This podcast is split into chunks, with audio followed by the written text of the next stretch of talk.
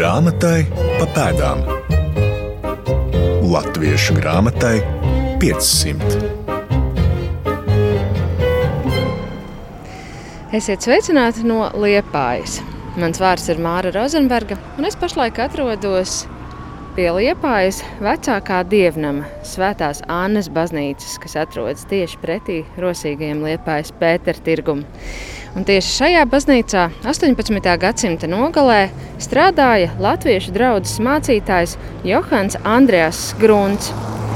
Un viņam pieder ideja par pirmo publisko lasām bibliotēku toreizējās Kurzemes hercogistas teritorijā. Tieši par šo lasām bibliotēku būs mūsu šodienas stāsts. Un, lai par to zinātu vairāk, dosimies uz pārsimt metru attālo Liepājas centrālo zinātnisko bibliotēku, kurā glabājas toreizējās lasām bibliotēkas grāmatas.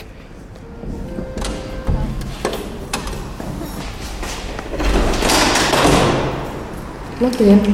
Vai jūs esat Elīna? Elīna. Prieks iepazīties. Māra. Jums ir pat grunta zāle. Uh, jā, tas mums ir tāds jaunievedums tagad.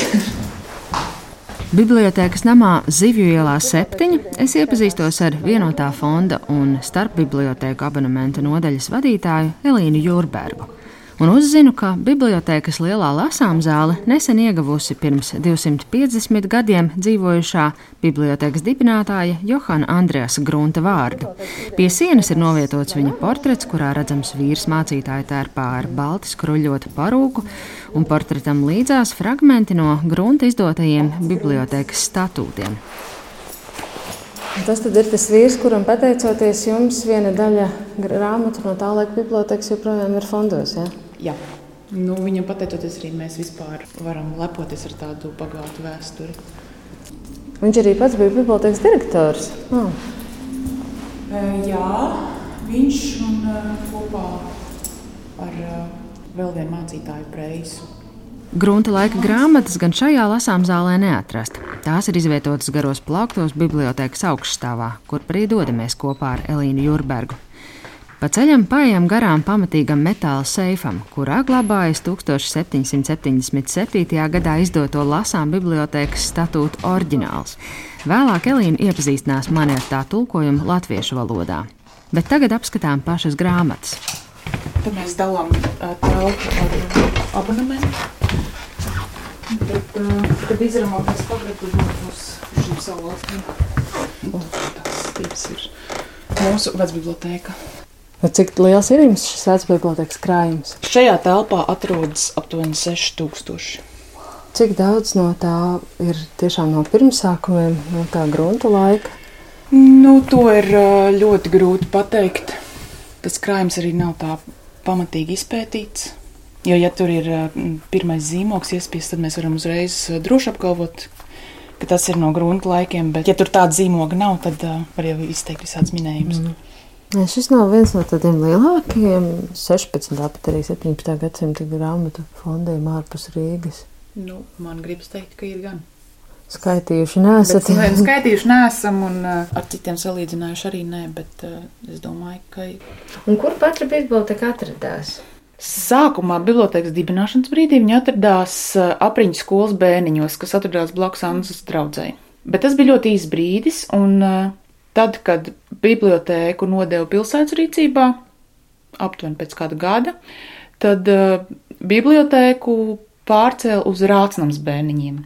Bet interesanti, ka tajā laikā Rācnams atradās šeit, Zivielā septiņi. Te, kur mēs šobrīd esam, šeit, kur mēs esam, jā. Nu, protams, ēka šobrīd ir uh, vairākas reizes piedzīvojusi kaut kādas modifikācijas, bet, uh, bet šeit pat es pieļauju, ka tā biblioteka tomēr kādu brīdi ir pavadījusi arī šeit. Drīz pēc tam, protams, uzbūvēja jaunu rācnam ēku un tad pārcēla ar visu bibliotēku uz to, bet uh, ir bijis uh, mazliet arī šeit. Nu, piemēram, vēstures sadaļa ir ļoti plaši pārstāvēta. Ir ļoti daudz vēstures izdevumu, ļoti daudz medicīnas izdevumu, dažādas vārnīcas, leksikoni uz, uz, uz zināšanām ir jā, ļoti vērsta uzmanība. Vai praktiski viņas ir arī tik aktīvi izmantotas, kā viņas ir iegādātas, tas ir cits jautājums. Bet...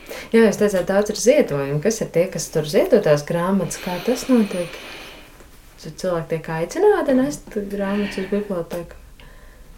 Jā, nu, cilvēki netika atturēti no dāvināšanas. Ja viņiem bija vēlēšanās kā, kādu savu grāmatu dāvināt bibliotekai, viņi tika mīļi aicināti to darīt.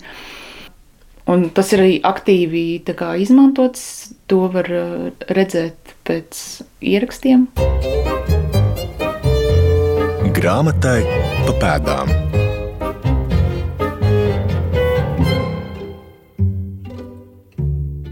Kas tad īsti bija lasām biblioteka 18. gadsimta izpratnē un kā tā darbojās? Kā savā pētījumā raksta Latvijas Universitātes Literatūras, Folkloras un Mākslas institūta pētniece Simona Sofija Valke, ar kuru vēlāk tiksimies arī šajā raidījumā, Lasām biblioteka, jeb Lēza biblioteka, bija iestāde, kurā 18. un 19. gadsimta lasītāji par nelielu samaksu varēja lasīt periodiskus izdevumus, kā arī jaunas un netik jaunas grāmatas. Līdztekus tām pastāvēja arī lasīšanas biedrības, jeb Lēza Gesellschaft, kurām nebija pielāgota bibliotekas telpu, bet to ietveros žurnāli un grāmatas tika nodoti no viena lasītāja citam. Pirms 1760. gada biedrību un bibliotēku, kas pulcētu lasīt mīlētājus, vācu zemēs nebija daudz. Bet jau pāris desmitus gadu vēlāk tās strauji izplatījās, un teju katra pilsēta vēlējās nodibināt savu lasīšanas biedrību. Tā bija iespēja nevien lasīt, bet arī socializēties, diskutēt un apmainīties ieteikumiem, viedokļiem un idejām. Tā Simona Sofija Valke. Bet mēs atgriežamies Liepājas centrālajā zinātniskajā bibliotekā, kur dažas no pašām senākajām šīs bibliotekas grāmatām man izrāda Elīna Jurberga. Šī ir tā kā visvecākā, kas mums vispār šeit ir. Jaunais laju spogulis. Tas ir no 1530. ja es nemaldos. Un kas tā ir par grāmatu? Tā ir pirmā grāmata, kas apraksta romiešu tiesības un uh, Vācijas uh, tiesu sistēmu. Tā kā rada pamatu šajā grāmatā savai. Tas to brīdi, kad Grunts dibina pilsētas pirmo publisko lasām biblioteku, šī grāmata jau ir 200, 250 gadus veca. Tā sanāk.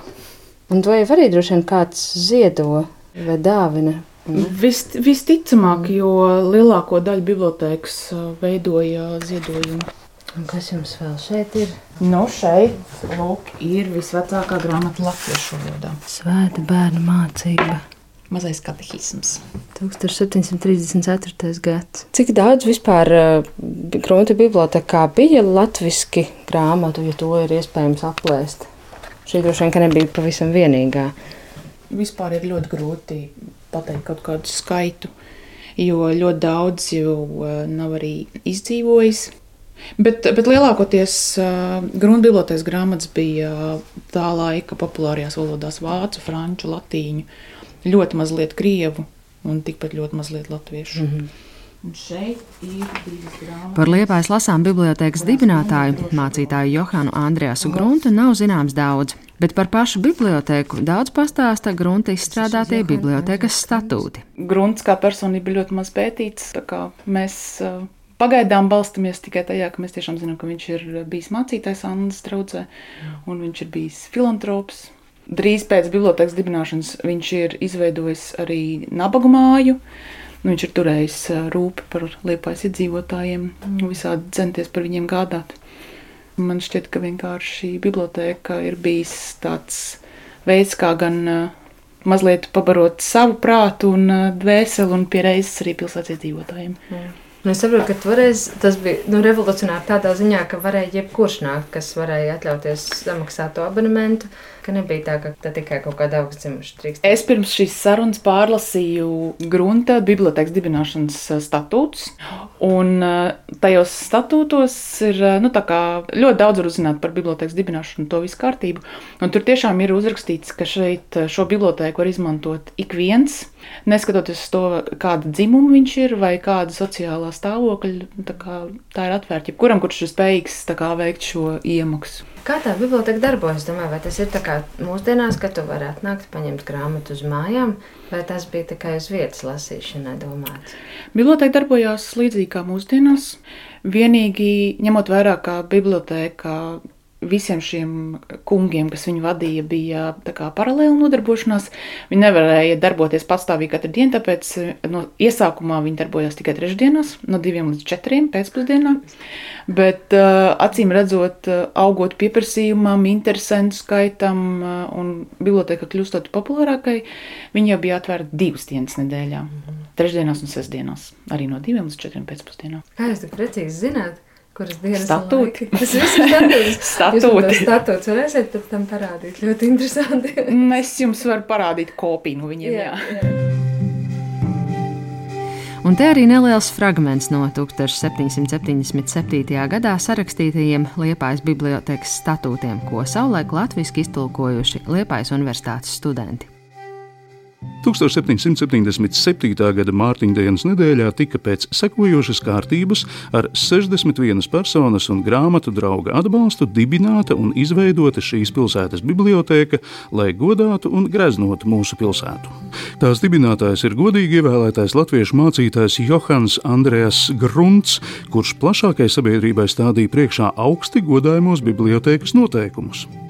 Katrs grāmatu draugs un mīļotājs, neskatoties uz dzimumu un sabiedrisko stāvokli, tiek šajā biedrībā pieņemts kā loceklis, ja viņš ļauj savu vārdu ierakstīt biedrības virsgrāmatā un par to samaksā vienu Alberta Dalderi un turpmāk ik mēnesi 12 grašus. No šīs naudas direktori un atbalstītāji no grāmatnīcām iegādās grāmatas bibliotekai. Gadu no gada tās tiks ierakstītas tumši brūnā iesietā sējumā, un tas būs pieejams bibliotekas lasītavā. Grāmatas būs dažādas un no visādiem literatūras žanriem, bet jāņem vērā arī grāmatu mīļotāju gaumi. Kamēr biedrība vēl ir maza, jāsagādā skaistas komēdijas, romāni, ceļojumu apraksti un visāda veida nedēļas izdevumi. Pieaugot biedrības locekļu skaitam, jāsagādā arī vēl un vēl lielākas un labākas vērtības no visām zinātnes jomām, lasītāju un locekļu priekam un vajadzībām. Neviena grāmata lasītājiem netiek iedota vairāk kā uz četrām nedēļām, un tas attiecas tikai uz grūti lasāmu grāmatu. Mazākām grāmatām nav jāpaliek ilgāk kā 14 dienas lasītāja rokās, lai loceklim, kurš arī vēlas šo grāmatu lasīt, nebūtu ilgi uz to jāgaida. Atklājam tekstus! Iepriekš raidījumā jau pieminēju literatūras zinātnieci Simonu Sofiju Valki. Viņa pēdējos gados ir īpaši iedziļinājusies Liepājas senās lasām bibliotekas vēsturē un krājumā. Uz Liepāju viņu savulaik aizveda interese par franču literatūras izplatību Kurzemes un Zemgales hercogistē 18. gadsimtā. Liepājas bibliotekai vislabāk saglabājies fonds, tā jāsaka. Un tur joprojām var braukt un skatīties, un tur ir ārkārtīgi daudz valodu, pat grāmatas dažādās valodās, un ir pat uh, mācību līdzeklis arābu valodā, 18. gadsimta, nemaldos. Un tas ir ārkārtīgi interesanti, bet franču valoda tur ir bagātīgi pārstāvēta. Šī franču, protams, tā kultūras ietekme, tā politiskā varenība un arī literārā, protams, posmē vilina cilvēkus. Bet, nu, ja runā par to latviešu valodu, tad būtībā ir pārēj no latīnistu ēras uz tulkotāju ēru.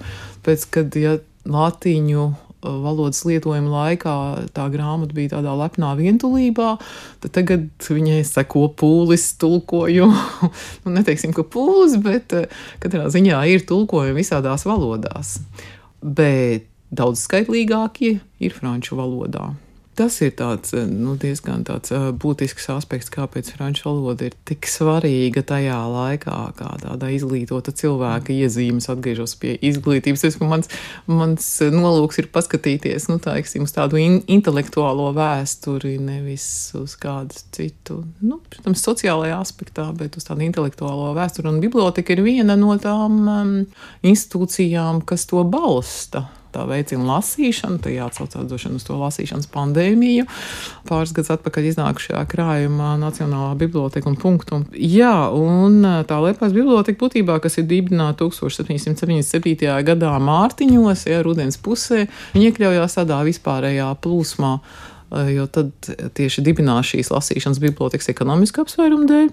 Tāpēc, ka grāmatu iegāde ir diezgan dārga un avīžu abonēšana arī, zem, kāpēc gan nesaslēgties vairākiem kopā un neabonēt laikrakstus kopīgi un nepasūtīt grāmatas, protams.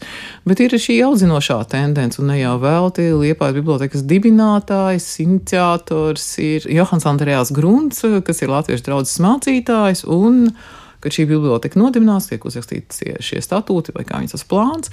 Tad ir divi direktori, un otrs arī ir mācītājs. Tad ir šī apgaismošanas funkcija. No bibliotekas izdotajiem katalogiem var spriest, ka lasām bibliotekas satura veidošanā mācītāji nav vadījušies pēc lasītāju gaumes vien, jo saturā nedominē tikai sentimentāli romāni. Var teikt, ka Liepājas bibliotekā tiešām ir tāda izzinoša biblioteka, ir ārkārtīgi daudz vēstures sējumu par geogrāfiju, sējumu. Ir, ir arī literatūra, bet salīdzinoši tomēr tā ir viena no daļām. Tas nav gluži nemaz tā, ka tā būtu nospiedošā daļa. Tā ir viena no daļām, un tiešām vairāk ir izzinošās literatūras. Ir eh, reliģiska literatūra, bet tā ir saglabājusies pārsvarā no mm, iepriekšējiem laikiem, ne visa. Bet, protams, 18. gadsimtā tās kļūst aizvien, aizvien, aizvien mazāk. Un tā, un tad, protams, ir dažādi grāmatu formāti, un, un ir grāmatu sērijas, kas man piesaistīja. Tāda dāma biblioteka, kas sastāv no 138 maziem sējumiņiem. Un, kuras uzdevums bija izglītot sievietes un visādās jomās, gan uh, dārzkopībā, gan geogrāfijā, gan mitoloģijā, un tas tēmu spektrs ir ārkārtīgi dažāds. Un tad šo, šīs mazās grāmatiņas varēja iegādāties tās nāc kā tāds abonēšanas piedāvājums, un šīs vairākums šo grāmatiņu ir arī atrodas dažas tikai trūkst, kāds, ja nemaldos, kāds sešas trūkst liepājas bibliotekas, vecas bibliotekas fondā, bet tādējādi dāmas varēja izglītoties. Tās ir 18. gadsimta beigas. Vācu valodā? Ne franču. Tāpēc man tas interesēja. Tas bija franču valodā un, un, un izdotas Parīzē. Pētniece Simona Sofija Valki sajūsmina arī lielā valodu dažādība, kas redzama Liepājas vecbibliotēkas grāmatu plauktos. Bet ir nu, tiešām tā dažādība gan flāmu, gan mm. zviedru. Tas saraksts ir tiešām diezgan iespaidīgs. Tur ir valodniecības plaukts, kur ir, kas man ieinteresē vienkārši kādi ir šie mācību līdzekļi, valodu mācību līdzekļi, kādi ir to forma tajā laikā, kā tas izskatās, piemēram, tieši franču valodu runājot. Un tad, protams, konteksta apzināšanai es arī pašķirtīju mazliet apskatījos tos, kas ir aptrodas apkārt franču valodai, protams, vācu valoda, latīņu valoda. Kas man likās interesanti, ka tā valodu bagātība 18. un 19. gadsimta mijā nu, tiek izprasta, ka tā ir vērtība, un tad var atrast arī vārnīcu, sarunu vārnīcu, kur ir deviņu valodu sarunu vārnīca, kas likās pilnīgi neiespējami. Bet, uh, nu, ņemot vērā, ka Liepāja ir ostas pilsēta, un kad jūrniekiem varbūt nācās braukt ne tikai uz tuvām, bet tālām zemēm. Deviņas valodas varēja būt visai noderīgas. Tas bija ļoti iespaidīgi. Bet tādas trīs valodu vārnīcas, kas senākās katrā ziņā tās ir franču, latīņu, vācu. Un pēc tam jau mazliet laikam ejot, tā latviešu valoda pakāpeniski pazūd, pazūd, pazūd un paliek šīs dzīvās valodas, ar kurām tad var izsināt sarunas. Kurzemes un Zemgals hercogistes pirmās publiskās lasām bibliotēkas mūžs gan ir visai īss. Drīz pēc tam, kad 1795. gadā hercogisti iekļauj Krievijas impērijā, to skar cara cenzūras smagā roka. Rūpīgi izdotajos bibliotekas katalogos cenzori atrod ar Franču revolūciju saistītas grāmatas. Tas ir tiešām pārsteidzoši no vienas puses, kad uh, Jo vairums grāmatu, kas bija saistīts ar revolūciju, pat ne grāmata, laikraksta izdevuma, nu, teiksim, tās aktualitātes atspogojums bija kontrrevolucionāri. Būtībā, acīm redzot, cenzors vai nu nebija īsti izpratis šo izdevumu nostāju, teiksim, kas bija vērsta pret revolūciju, vai vienkārši uzskatīja, ka revolucionāro faktu atspoguļošana ir kaitīga. Grāmatai pa pēdām.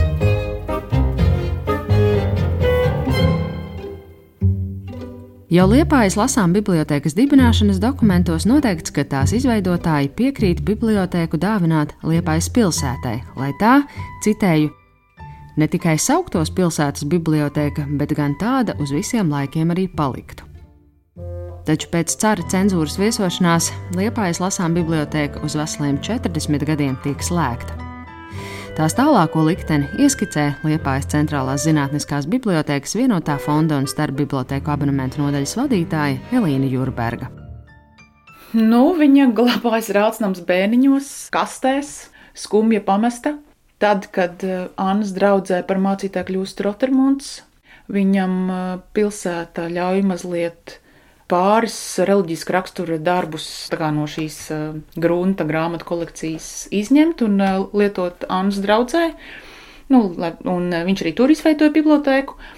Bet pēc tam uh, iestājās klusums līdz 1839. gadam, kad Oliks, kas bija pilsētas vecākais tajā brīdī, teica, ka mums vajag tomēr bibliotēku pilsētām. Bet tās grāmatas nebija nekur fiziski aizvestas prom, viņas vienkārši bija kaut kur. Nu, viņas glabājās rācams bēniņos. Es zinu, ka kaut kādā brīdī viņas tika aizgādātas uz durvju baznīcas glabāšanā, bet uh, patiesībā tas ir tāds ļoti interesants jautājums, jo nu, to grāmatu ir daudz, un, uh, un viņas nav tik viegli arī nu, pārvietot un uzglabāt un saglabāt, jo viņas ir arī ļoti labā stāvoklī, gadu desmitus stāvējušas kaut kur mm. aizmirstībā. Bet nu, pēc tam, kad Olīks atjauno bibliotekas darbību, viņš viņas eh, ceļā kalārā no lādēm un uh, liek lietā. Mm. Un tas ir uh, bibliotekas grunta grāmatas, ir bibliotekas pamats. Kādreizējās Liepājas lasām bibliotēkas mantiniece, Liepājas centrālā zinātniskā bibliotēka, tagad apņēmusies padziļinātāk pētīt savu vairāk nekā 6000 grāmatu lielo vecbibliotēkas krājumu. Ir sākts darbs arī pie zinātniskas monogrāfijas par bibliotēkas vēsturi. Par to vēlreiz pētniece Simona Sofija Valke. Es ar kolēģi, vadošo pētnieci Jānu Dreimanu no Nacionālās bibliotekas, mēs veidojām kolektīvu zinātnisku monogrāfiju par Liepājas pilsētas un bibliotekas vēsturi. Nu, mums ir tāda liela vēlme pieķerties šim darbam, jo Liepā ir nozīmīga vieta arī tādā izglītības ziņā un apgaismības ziņā Latvijā. Un, uh, Šajā monogrāfijā tiek skatīta neviena biblioteka, bet viss, kas ir apkārt. Un grāmatniecība, gan latviešu, gan vācu valodā, gan gan grāmatu izdevēji, gan kalendāri, gan muzikālijas, um, teksim, gan pirmajā bibliotekas posmā, 19. gadsimtā un pēc tam vēlāk. Un interesanta lieta arī, kas būtu jāmin, mm, ka Liepājas bibliotekā ļoti daudzām grāmatām ir ieraksti. Tie ir pāraksti vai ir arī nelieli teikumiņi, kuros ir vēstīts, ka uh, šī grāmata tiek novēlēta Liepājas bibliotekai, vai arī ielīmes Nu, un pašas bibliotekas dažādie zīmogi un ielīmes, un monogrāfijā, šai kolektīvajā monogrāfijā par to arī veiks pētījumu Kristīna Zaļuma. Savukārt Viktors Daboliņš arī pievērsīsies Liepājas bibliotekai, bet tādā citādā aspektā, jo bibliotekai piederēja arī senākā kurzems hercogistes monētu kolekcija, un tad Elīna Jurberga pētīs ēkas vēsturi un, nu, teiksim, tā pārlietot uzreiz uz 20. gadsimtu jāatminās Valdemārs Caune, kas arī bija Liepājas bibliotekas vadītājs 20. gadsimta sākumā. Vēlot šai monogrāfijai drīzumā ieraudzīt dienas gaismu, ar to arī izskan raidījums grāmatai pa pēdām, kurā šoreiz stāstījām par pirmo publisko lasām bibliotēku Kurzemes un Zemgales hercogistē. Ar jums kopā bija Māra Rozenberga, un paldies manām sarunbiedrēm Elīnai Jurbergai un Simonai Sofijai Valkei. Raidījuma padomdevēji ir Latvijas Nacionālā biblioteka un Latvijas Universitātes akadēmiskā biblioteka. Nākamnedēļ dosimies uz Krimuldu, kur dzīvojas mājaskolotājs un dzēnieks, krusta skolas grāmatas sastādītājs Nataniels Ramanis. Grāmatai pa pēdām Latviešu grāmatai 500.